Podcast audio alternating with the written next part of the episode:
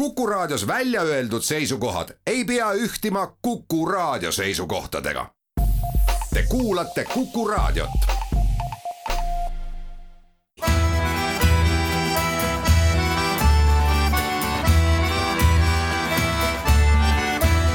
Kirillitsas Eesti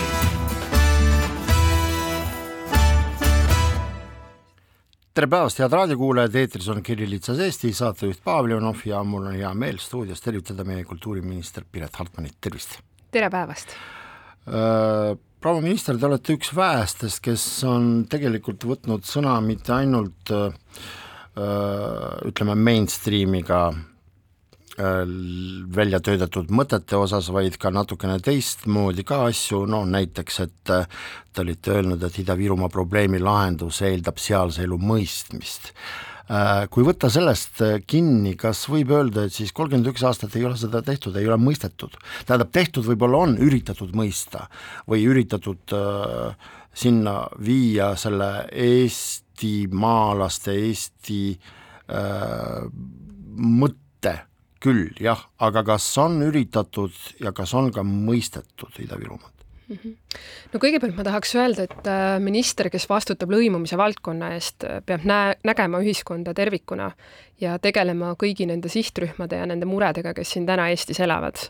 et ta ei saa valida ainult endale meelepäraseid nii-öelda teemasid.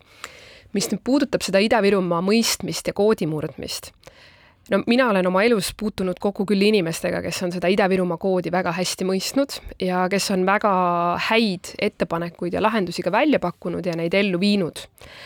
aga mure on olnud lihtsalt see, et nende meetmete mõju on ehk täna olnud liiga väike. ja miks on olnud nende mõju liiga väike, sellepärast et neid ei ole suudetud teha piisavalt suuremahuliselt. ja miks ei ole tehtud piisavalt suuremahuliselt, on see, et selleks, et äh, muuta suuri asju, on vaja päris suuri ressursse. ja suuri ressursse otsustab täna Eesti valitsus ja ka teised poliitikud, mitte ainult kultuuriminister ja mitte ainult kohapeal tegutsevad nii-öelda kultuuriorganisatsioonid ja eestvedajad ja Integratsiooni Sihtasutus. ehk meil seda mõistmist on vaja viia palju kõrgemale ja pa palju laiemaks, kui selleks on üks Integratsiooni Sihtasutus, mõned organisatsioonid, ministeerium ja nii edasi. aga ikkagi see sõna mõistmine öö millest näiteks teie kui inimene, kui Eesti inimene, millest te näiteks aru ei saa, kui me räägime Ida-Virumaa äh, mõistmisest? et mis on, mis on need, äh, ma saan aru, on olemas üldlevinud stereotüübid aga samas, eks ole, kui me räägime mõistmisest, siis kindlasti on mingisugused asjad, mis on sellised, mida võib-olla needsamad Ida-Virumaa inimesed hoiavad endal kusagil sügavas sees, nad ei taha sellest võib-olla rääkida, nad tunnetavad midagi, eelkõige praegu, kui me räägime, eks ole, see on muuhulgas ka mingisugune hirm võimalike repressioonide osas, et a la, et kui arvatakse stereotüüpselt, et sa oled putinist, siis sa koheselt lähed äh, piiri peale ainult ühes suunas, et äh, mis on need asjad, millest näiteks teie ei mõista Ida-Virumaad? Mm? -hmm no kõigepealt peab ütlema, et ma proovin mõista ja ma proovin olla väga palju kohapeal ja ma olen ju ise ka pärit Ida-Virumaalt, nii et esimene nagu minu soov on kindlasti mõista, mida mul oli raske mõista kevadel, äh, kui Eestisse tuli väga palju Ukraina põgenikke, siis äh, me oleme siin üheskoos elanud, venekeelsed eestlased, eestlased juba kolmkümmend aastat, paljud inimesed on siin palju kauem elanud.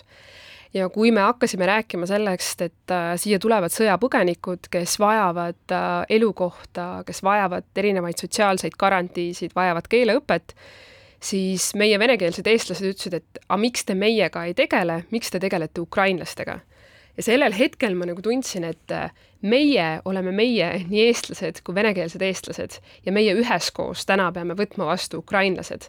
et siis mul tekkis nagu see küsimus, et, äh, et ühest küljest me ei taha erikohtlemist me tahame, et me oleksime võrdsed igal pool, tööjõuturul, haridussüsteemis ja nii edasi. aga kui me räägime ukrainlaste tulekust, siis justkui meie venekeelne eestlane ütleb, et, et min-, minuga peab kuidagi eraldi kohtlema et see oli nagu minu jaoks natukene sellel hetkel arusaamatu. võib-olla siin ongi nagu peidus need äh, võimalikud hirmud, millest ma nagu mainisin, aga võib-olla ka see, et võib-olla nendele inimestele, kes nii arvavad või tundub, et äh, neil on selline veendumus, et nad ei ole kuidagimoodi äh, sidustatud riigiga, et äh, kas siis riik ei ole nende jaoks loonud seda sidet või siis nad ise ei oska seda sidet luua, ma praegu ei räägi marginaalidest, me räägime, eks ole, ikkagi tõesti nii, kuidas ka teie ütlesite, meist kõigist mm. -hmm. et äh, ku, ku, kuidas, kuidas sellest nagu mõista, kuidas seda mõista, et, et millest neil need hirmud tulevad, kui kriisisituatsioonis nad ikka võtavad ennast kui mingisugust eraldiseisvat kategooriat? No eks esmalt tulebki aru saada sellest, et äh, väga suur oda, osa, kui me räägime Ida-Virumaast, räägime ka teistest piirkondadest, kus on palju venekeelseid inimesi, siis nad on hästi suure aja elanud teistsuguses inforuumis. et kui kahekümne neljandal veebruaril algas sõda, siis äh, pärast seda tehti suured otsused ja pandi kinni venekeelsed propagandakanalid, mis äh, Venemaalt tulid. enne seda suur hulk inimesi elas hoopis teistsuguses nii-öelda infoväljas, kust päris, pärines ka nii-öelda noh, nende mõttemall, kust pärines nende informatsioon.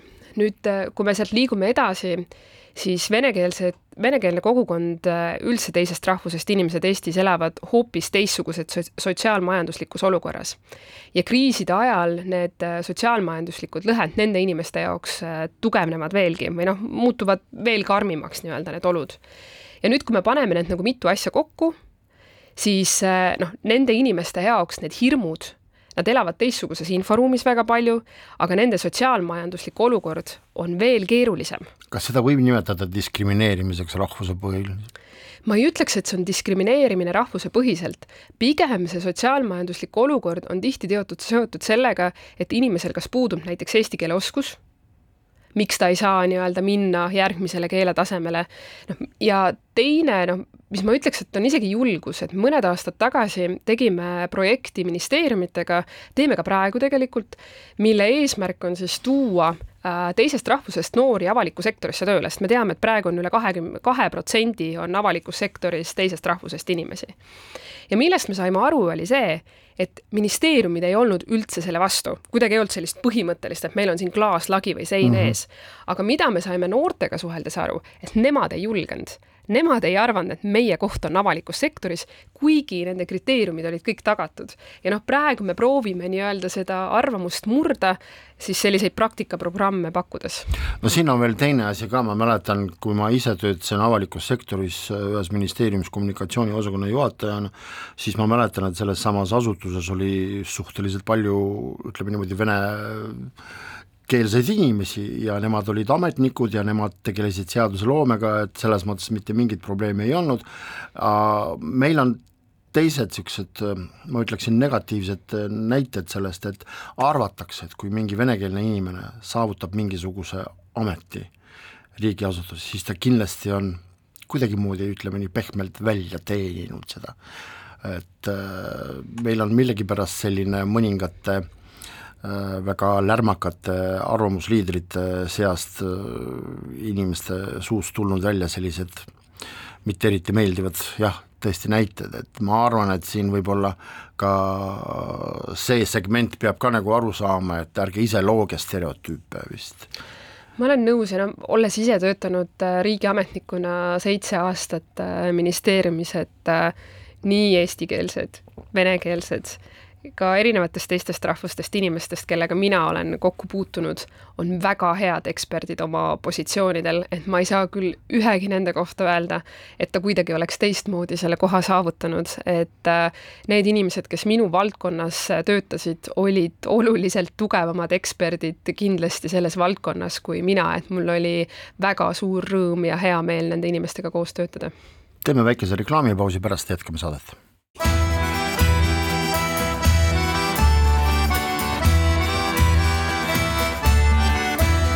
Kirillitsas Eesti.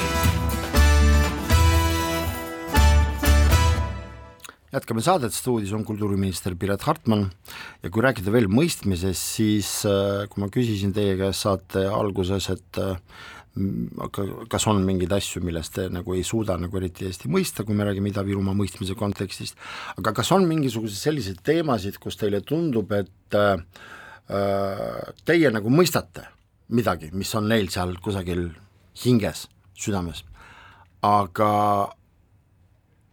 et enamus eestlasi siin Eestis ei suuda või ei saa aru, et oleks vaja mõista midagi sellist mm? -hmm.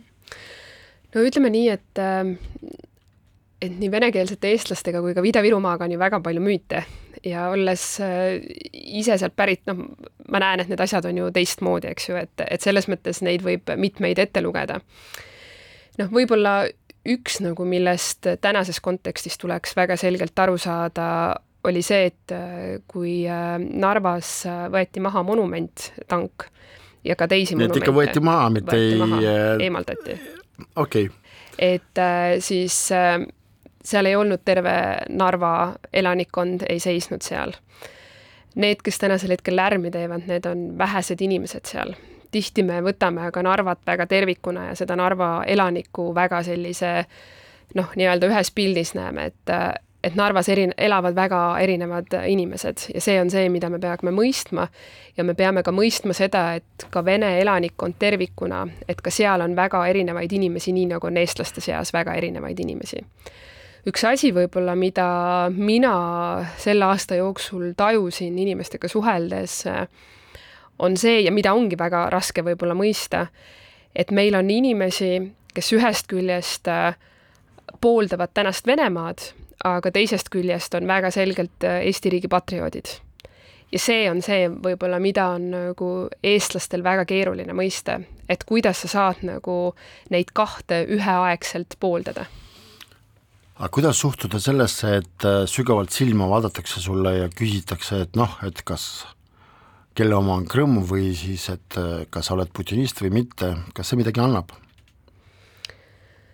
no siis, kui sõda algas, äh, suhtlesime oma vene keele õpetajaga ja ta ütles ka, et oota, oota, suhtlesin oma vene keele õpetajaga? no rääkisime oma Aa, vene keele õpetajaga. oma vene keele õpetajaga, te õpite vene keelt? õpin jätkuvalt vene keelt, just. aga me oleme lugenud ja kuulnud igasuguseid arvamusi, et seda pole vaja no mina olen teistsugusel seisukohal juba puhtalt sellepärast, et geograafiliselt äh, Eestit ära viia siit ei saa, et me peame arvestama, millises asendis okay, me oleme, me peame äh, rääkima vene keelt äh, või ma arvan, et see tuleb meile kasuks. aga jah, ma õpin ja, ja rääkisin oma õpetajaga, ta ütles, et tal on aastaid olnud nagu õpilasi siin.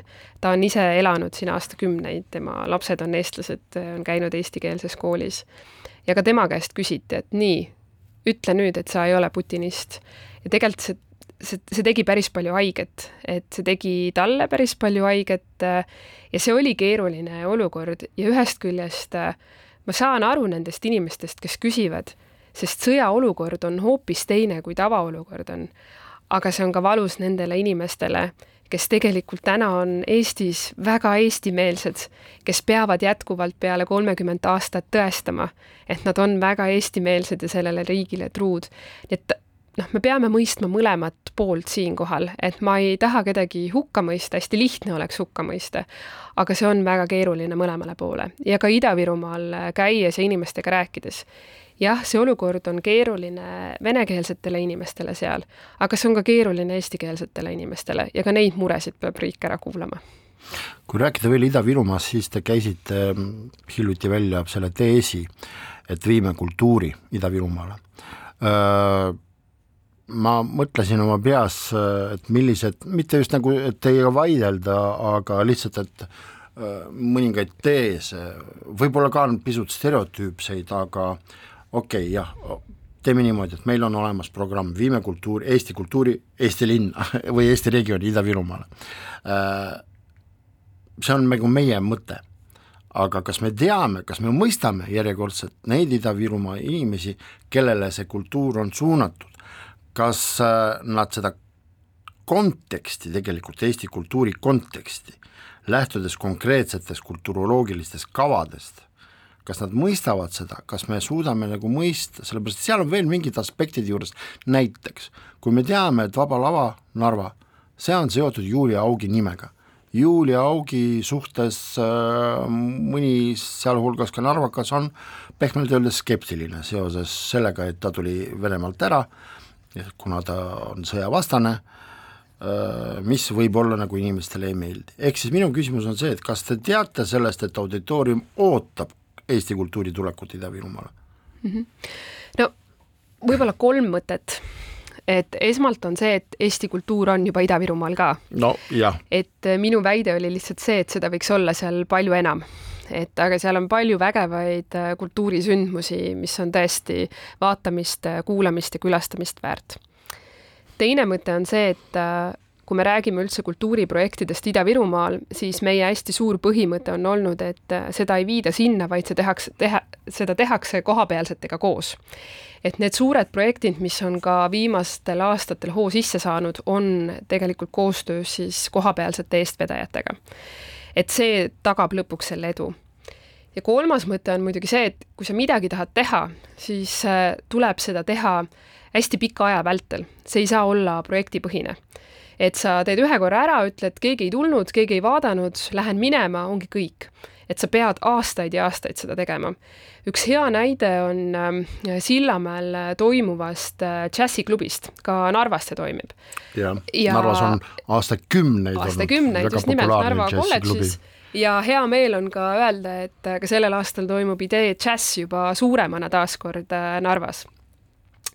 aga et tegelikult see džässi publik kujunes välja väga pika aja vältel sinna Ida-Virumaale, et see ei olnud kohe algusest, ei tulnud sinna väga palju inimesi. see näitas seda, et äh, alati on vaja aega.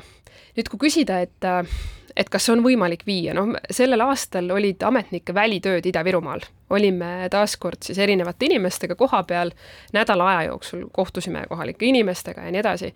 üks kingitus, mida ametnikud tegid, oli äh, öökino Sillamäel, Menšior Äh, nendel samadel Odessa treppidel, mida me teame. see oli täis inimesi. seal oli väga suur publik ja pärast seda me ka nende öökinodega jätkasime. mina väidan, et on küll võimalik isegi vaatamata sellele, et kui te mainisite Melchiori, et äh, kaheksa aastat tagasi Indrek Hargla rääkis, et tema oma teosed vene keelde ei tõlgi. Aga see näitab, et äh, on küll võimalik, eks ju, ja ja just mõned nädalad tagasi külastasin ka Station Narvat, mille raames olid hästi huvitavad projektid äh, just Daciades äh, oli väga ähm, inspireeriv korterikontsert Stalini-aegses korteris ähm,, Eesti äh, muusik laulis seal, noh, vaikselt äh, toimub see nii-öelda lõimumine ja, ja sellise kultuuriruumi kasvatamisena seal kohapeal, aga ma olen täiesti nõus, seda saab teha kohapealsetega ja on vaja varuda aega mis te arvate sellest äh, poleemikast, mis on praegu üles tõusnud seoses sellega, et kas Narva volikogu peab oma istungid äh, äh, korraldama riigikeelsena või nendele võiks teha eraldi võimaluse vene keeles? ma ei arva seda, et me peaksime täna Eestis tegema erandeid, kohalikus omavalitsuses tuleb rääkida täna eesti keeles. nii et see on nagu väga selge minu seisukoht, aga teisest küljest tuleb tegeleda sellega, et miks see nii ei ole. Ja noh, mina olen aasta viis nüüd tegelenud äh, siis eesti keele õppega, selleks et kõikidel võima-, kõikidel inimestel, kes soovivad eesti keelt õppida Eesti riigis, oleks see võimalik.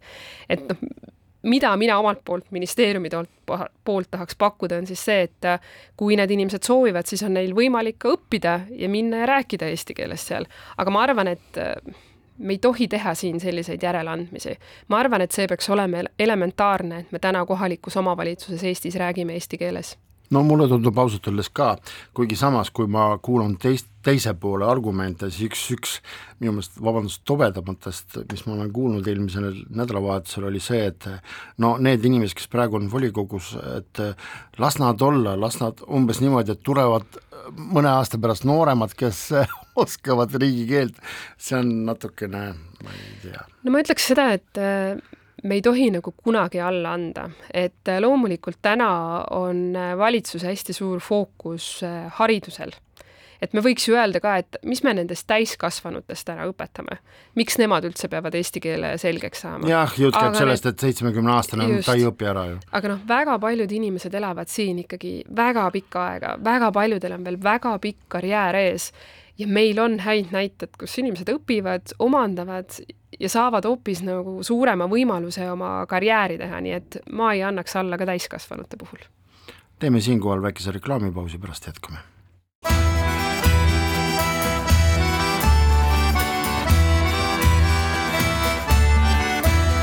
Kirillitsas Eesti. jätkame saadet ja ma küsiksin kultuuriministri käest, et kas te olete meie infoväljaga, meie inforuumiga, kui me räägime venekeelsetest inimestest, rahul? no kui oleks rahul, siis praegusel hetkel ei pingutaks nende meetmete nimel, mida me teeme, et kindlasti ei ole rahul ja noh, erinevad ka uuringud, nii need, mida oleme meie teinud, kui ka need, mida teised riigiasutused teevad, näitavad ikkagi, et meil on siin äh, veel pingutamist küll ja küll, millega ma olen rahul, et kui me tegime eelmisel aastal äh, integratsiooni monitooringu, siis esimest korda me jõudsime selle tulemuseni, kus Eesti venekeelsed meediakanalid on kõige usaldusväärsemad meie teisest rahvusest inimestele. aga see oli tingitud teatud kriisidest? see oli tingitud koroonakriisist ja. väga paljuski, sellepärast et inimesed tahtsid teada, et mis siin kohapeal toimumas on, täiesti arusaadav aga, ja me kartsime, et äkki pärast seda toimub langus. tegelikult seda langust ei toimunud, vaid inimesed hakkasid harjuma nende kanalitega, mis siin Eestis ka olemas on ja loomulikult sellel aastal avanes ka hea võimalus äh, täiendavalt anda siis äh, nii erameediakanalitele äh, täiendavat toetust kui ka siis Eesti Rahvusringhäälingule. muuseas, kas te olete saanud mingisugust monitooringut ehk siis tagasisidet, kuidas see projekt toimib ja kas ta on reaalselt mingisuguse tulemuse andnud? Meie esmane tagasiside näitab seda, et, et nii ERR-i vaadatavus, kuulatavus, lugevus on kasvanud ja ka meie koostöö äh, nende erameediakanalitega näitab seda, et ka nende jälgitavus on kasvanud, nii et praegu on meie ühine eesmärk ikkagi minna koos edasi kui rääkida inforuumist, siis ma toon teile väga sellise väga markantse näite tänasest e, eilsest õhtust. Äh, siis, kui oli teada, et Venemaa president kuulutas välja osalise mobilisatsiooni, siis ühes grupis sotsmeedias, siin kohalikus venekeelses grupis, esimesed kommentaarid näiteks venekeelse Postimehe uudise peale, mis oli lihtsalt uudis copy-paste mm, -hmm. et Putin kuulutas välja sellise asja, venekeelses grupis esimesed kaks kommentaari olid, esimene, ah, Ruus Postimees ei usu seda lehte ja teine kommentaar selle järgi tuli vranjo i loš mm.. mul tekkis küsimus, et nagu öeldakse, kas siis omad ei usu ka oma inforuumi, infovälja? no ma arvan, et eks see meedia kirjaoskus on ikkagi päris suur väljakutse meil ja ma ei ütleks, et see on äh, suur väljakutse ainult venekeelsete inimeste seas, eks see, eks see on ikka suur äh, väljakutse ka eestikeelsete inimeste seas, et kuidas me üldse meediat loeme, meediat tarbime ja nii edasi. aga ma usun, et venekeelsete inimeste osas on see oluliselt äh, keerukam, sellepärast et nagu ma ka eelnevalt ütlesin, väga pikka aega on olnud nad teises infoväljas, inforuumis ja, ja olnud võib-olla ka siis nende propagandistlike kanalite mõjuväljas. muuseas, kui rääkida sellest kevadisest finantsressursside eraldamisest, siis äh, kohalik, näiteks Narva meedia ei saanud aga ma arvan, et see on lihtsalt ka üks õppetund, mida võib nagu arvestada tulevikus jah, see küsimus oli muidugi selles, et äh, me pidime hästi kiiresti tegema mm -hmm. otsuseid ja meil oli üks väga selgne partner, kellega koostöös me tegime. tänasel hetkel on meil natukene rohkem aega järgmiseks aastaks seda ette valmistada, nii et eks me proovime kõiki neid tehtud äh, vigu vältida ja anda siis võimaluse kõigile nendele, kes saavad ühisele inforuumile kaasa aidata. kuidas elavad meie rahvusvähemused? No ma arvan, et eks see on, noh, tahaks öelda kohe, et hästi elavad, et oma rahvusvähemustega Eestis äh, on Eesti riik aastakümneid tegelenud, nende kõrval olnud, äh, kaasanud äh, ja ka sellel pühapäeval oleme terve päeva istumas siis erinevate rahvusvähemuste organisatsioonidega Jõhvis, rääkimas sellest olukorrast, mis meil on. aga noh, eks see on ka keerukas, et just selle sõja alguses äh, esimesed organisatsioonid, kellega ma tegelikult Kultuuriministeeriumis kohtusin, olid just nimelt äh, Vene ja Valgevene organisatsioonid ja küsisin, kuidas neil täna läheb. ja kuidas? Ehm, no ütleme nii, et äh, eks me esimesed tunnid nutsime koos, et see seis oli ka nendele väga keeruline, väga šokeeriv me tihti arvame, et venekeelne inimene on äh, venelane, venemaalane ja nii edasi. Venekeelse kogukonna hulgas on täna väga palju Ukraina äh, juurtega inimesi, väga palju neid inimesi, kelle sugulased elavad Ukrainas. Nii et äh, see seis on keerukas, kindlasti täna on väga palju väljakutseid meie Ukraina kogukondadel, just nimelt, et siis lõimida siia tulnud rahvuskaaslasi kas te olete kuidagimoodi ühisele laua taha pannud äh, Venemaa, Valgevene ja Ukraina rahvusvähemuste esindajaid? me istume kogu aeg nendega ühe laua taga, me oleme aastakümneid istunud nendega ja koos ühe laua taga. ikka ühene?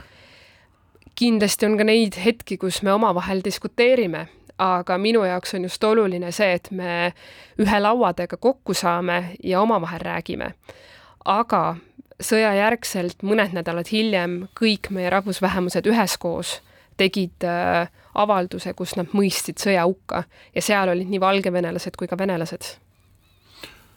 Seni on äh, tavainimese arusaam sellest, et kui korraldatakse mingisugused rahvusvähemused, ma ei tea, seal päevi, nädalaid, siis see on pikk toidutänav, kus pakutakse igasuguseid maiustusi, gurmeetoitusid ja sellega nagu öeldakse, no veel keegi seal tantsib, laulab kõrval teine arusaam on see, et kui äh, sellest räägiti muuseas aasta tagasi vene kogukonnas väga tõsiselt, et äh, kuna oli tähelepanek selline, et äh, Venemaa kaasmaalaste liikumine on sisuliselt välja surnud, siis need, kes tahtsid kuidagimoodi seda elustada, rääkisid, et meil on siiamaani ainult balalaikad ja ongi kõik. aga mis on teie arvates rahvusvähemuste ühendus, kas on tõesti ainult borš, ainult balalaikad, et kuidas on tegelikult see ühiskondlik kaal nendel äh, organisatsioonidel? no need rahvusvähemused, kes täna Eestis tegutsevad, meil on äh, pea kakskümmend suurt katusorganisatsiooni ja üle kahesaja kultuuriseltsi, et see on ikka palju enamat Äh, kui on ainult äh, toit ja laul, et äh, nad korjavad kokku väga palju oma rahvuse kultuuripärandit siin, nad loovad väga palju, nad annavad seda oma käsitööd edasi, oma traditsioone edasi. Eesti riik on alati olnud sellel seisukohal, et me toetame siin elavate rahvusvähemuste nii-öelda juuri, nende kultuuri, nende võimalust oma kultuuri arendada, aga teisest küljest loomulikult aitame kaasa sellele, et meil tekiks ka ühine kultuuriruum et äh, noh, ütleme, ma olen väga palju külastanud ka eestlasi Ameerikas, et see on täpselt samamoodi, et ühest küljest neil on need erinevad Eesti kultuuriorganisatsioonid, nad käivad koos, peavad äh, laulupidusid, jaanipäevi ja nii edasi. meie siin Chicagos kogunesime. jah, täpselt, ja nad on muidugi palju suuremad patrioodid kui meie siin, aga noh, teisest küljest nad on osa ka seal ühiskonnas.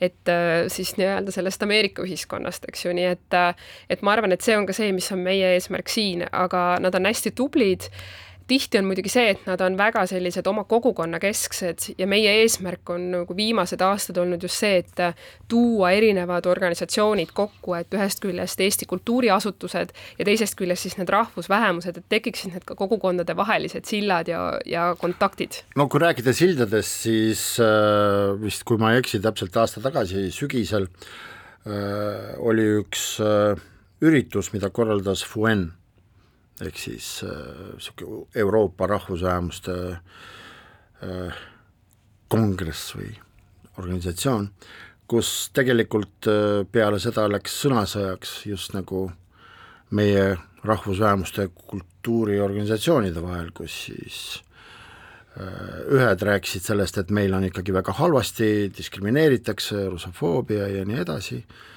kokku ja siis teisel poolel oli siis, äh, kui ma ei eksi, siis äh, ERSA, rahvusvähemuste esindaja, kes nagu üritas sealsamas, äh, sellel samal üritusel rääkida, et noh, et see vist ei ole ikkagi täitsa nii. kuidas teie kui Kultuuriministeerium, kui rahvusvähemuste katusorganisatsioon vaatate selliste asjade peale just rahvusvahelisel paneelil? Ma olen ise ka selle organisatsiooniga mitmel korral kohtunud nii Eestis kui välismaal ja olen alati öelnud, et äh, tulge ja vaadake, kuidas meil päriselt siin asjad on. väga kerg- või väga keeruline on välismaal olles vaielda selle üle, et kummal on õigus.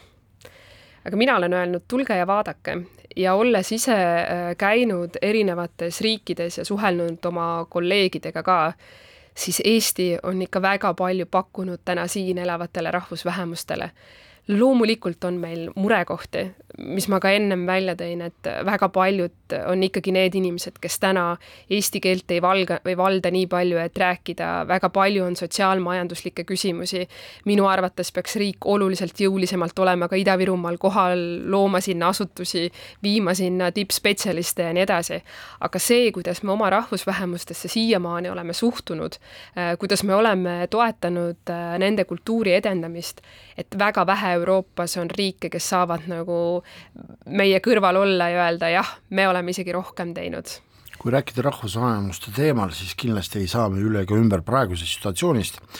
kas äh, see hulk Ukraina põgenikke, mis praegu Eestis on, Eestisse sisse tulnud, kas see on keeruline väljakutse, kui me räägime Eesti lõimumisprogrammist või äh, see on üks äh, nagu, see on üks niisugune tavaprobleem või tavaolukord, sellepärast et me teame, et ühtesid häirib see, et meil on iga hoone peal äh, sinikollased lipud, teisi häirib midagi veel, et äh, kultuur on hoopis teistsugune ja nii lärmakad ja nii edasi, nii edasi, et äh, sealhulgas muuseas tänavaliikluses häirivad ka autod ka Venemaa numbritega ja Ukraina numbritega ja mine sa tea, võib-olla ka Valgevene numbritega, et kas see on väljakutse lõimumis, lõimumise jaoks? ma ütleks, et see on väljakutse nii lõimumisvaldkonnale, sotsiaalvaldkonnale, haridusvaldkonnale, regionaalvaldkonnale, et äh, siin ei ole ainult meie need, kes selle küsimusega hästi kiiresti peavad tegelema ja no ma usun, et äh, kõik inimesed saavad aru, et kui siia tuleb äh, väga lühikese peri jooksul kümnete tuhandete kaupa inimesi, kellele tuleb pakkuda sotsiaalteenuseid, haridusteenuseid, lastehoiuteenuseid, keeleõppeteenuseid, siis see ei ole lihtne väljakutse olnud. Ja ma arvan, et siin väljendub ka äh, Eesti riigi ja erinevate ministeeriumide ja ametkondade tugev, tugevus hakkama saada nii lühikese perioodi jooksul nii suurte küsimärkidega aga loomulikult siin on kaks poolt, et üks on tõesti see sprint, et meil on erinevad need teenused valmis, kõik olemas, inimesed saavad tööle, elukoha ja nii edasi, aga teiselt poolt on ka see, millele ma usun, sa vihjasid, et kuidas me ühiskonnana hakkama saame, kui meil tuleb nii suur hulk inimesi siia juurde. Lõimumisvaldkonnas me oleme võtnud praegusel hetkel kaks põhimõtet, kaks kohustust, et need inimesed, kes saavad siis ajutise kaitse, peavad ühest küljest minema keeleõppesse et nad tajuksid, mis siin Eesti ühiskonnas toimub ja saaksid ka kaasa rääkida. ja teisest küljest on see, et nad peavad minema kohanemisprogrammi. Nad peavad aru saama, kuidas see Eesti ühiskond siin toimub. aga enamus nendest vist tahavad oma lapsi näiteks panna venekeelsetesse koolidesse? no ma ütlen, et mulle puuduvad viimased, viimaste nädalate andmed, aga need, mis mul olid olemas, siis kaks kolmandikku nendest lastest õppis eestikeelsetes koolides ah.. et see seis oli tegelikult väga-väga äh, hea aga loomulikult on noh, küsimus, et kuidas me siit lähme edasi, sellepärast et see ei ole nii, et inimesed tulid ja lähevad kohe ära. et kas me suudame ühiskonnana hakkama saada, täna ei ole väga suuri konflikte olnud, aga ma pean ka ausalt tunnistama, et nende erinevate ministeeriumitega, kes lõimumisega kokku seotud on, me valmistame iga päev selleks ette, et neid konflikte ära hoida et see ei ole selline töö, et, et see lihtsalt niimoodi juhtub, et meil on väga palju meetmeid välja töötatud, meil on nii lühiajaline strateegia, pikaajaline strateegia ja see on ka see põhjus, miks ma olen äh, selle ametiaja jooksul väga palju ka Ida-Virumaast rääkinud. et lõimumiskava on meil natukene kriisikeskne, kriisipõhine. aga teeme väikese reklaamipausi, pärast jätkame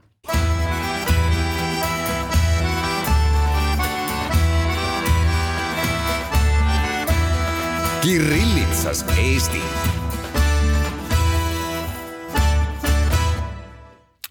meie saade jätkub ja saate lõpetuseks kindlasti üks teema, mis võib-olla ma ei saa öelda, et ta on väga aktuaalne tegelikult, aga ta lihtsalt äh, on äh, väga teravas tähelepanu vaatevinklis, see on siis äh, koolide üleminek eestikeelsele haridusele.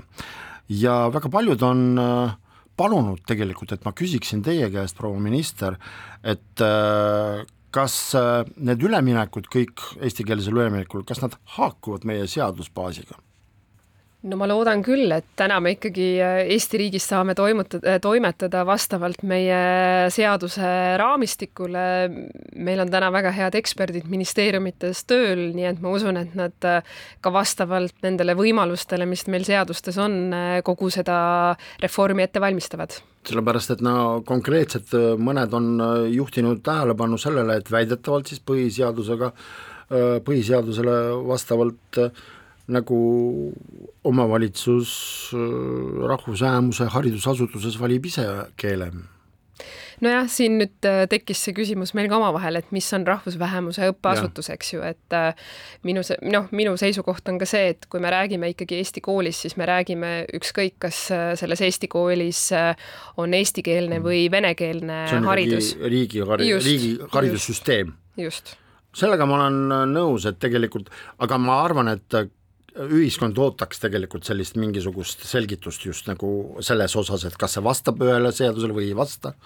ma olen selles mõttes täiesti nõus, et äh, olles ka täna külastanud äh, neid koole, kus, keda ootab ees üleminek, et siis seda selgitustööd nii koolis, aga ka lapsevanematele tuleb teha väga hoogsalt, et äh, küsimus nend-, selle reformi puhul ei ole ju ainult ka seadusandluses, vaid kuidas me sisuliselt sellele eestikeelsele haridusele üle lähme, mida meil tuleb selle jaoks ette võtta ja kuidas me valmistame need inimesed ette, kes peavad nii-öelda sellega kaasa minema, kelle lapsed lähevad äh, teistsuguse õppekeelega kooli ja nii edasi, et noh, minu jaoks need sisulised küsimused on palju olulisemad isegi siin kui me räägime mõistmisest, see on viimane küsimus, et kas äh, selle ülemineku arhitektid, kas nad ikka mõistavad seda, et üks asi on tõesti see, et lähme üle eestikeelsele haridusele, aga teine väga oluline probleem, et kuidas, meil ei ole ju ka õpetajaid ja mitte ainult selle jaoks, et õpetada sealsamas Ida-Virumaal, kus pidi olema palk lausa kolm tuhat, nii kuidas ma lugesin uudistes, et lihtsalt, et ei ole neid inimesi füüsiliselt, et seda rakendada. Ma kindlasti ütlen seda, et ma olen väga seda meelt, et me lähme üle eestikeelsele haridusele, sest lõimumise jaoks on see ülioluline, et me lõpetaksime selle eraldatuse tootmise. aga ma loomulikult olen murelik, et kuidas me seda tänasel hetkel teeme me oleme küll näinud seaduseelnõud, aga täna veel Haridusministeeriumist ei ole tulnud sellist äh, lõplikku detailset kontseptsiooni, et kuidas seda planeeritakse teha. et mina olen lubanud haridusministrile, et Kultuuriministeerium aitab kaasa kõiges, mida me suudame, et see üleminek oleks võimalikult selline noh, mõistlik, mõistlik, just nimelt kas on vaja eesti keele õppega olla abiks lastevanemate nõustamisega, et seda me siis omalt poolt proovime aidata. kõiki asju me ette ei suuda näha, aga ma usun, et kui me tahame seda päriselt teha, siis me peame olema, me peame hästi kastist välja mõtlema, sest nii kiire aja jooksul jõuda tulemuseni, see nõuab väga suurt nutikust ja, ja muidugi ka süvenemist ja, ja panustamist proua kultuuriminister, ma tänan teid, et leidsite aja tulla meie saatesse, aitäh teile, edu ja raadiokuulajatele kohtumiseni taas järgmisel nädalal.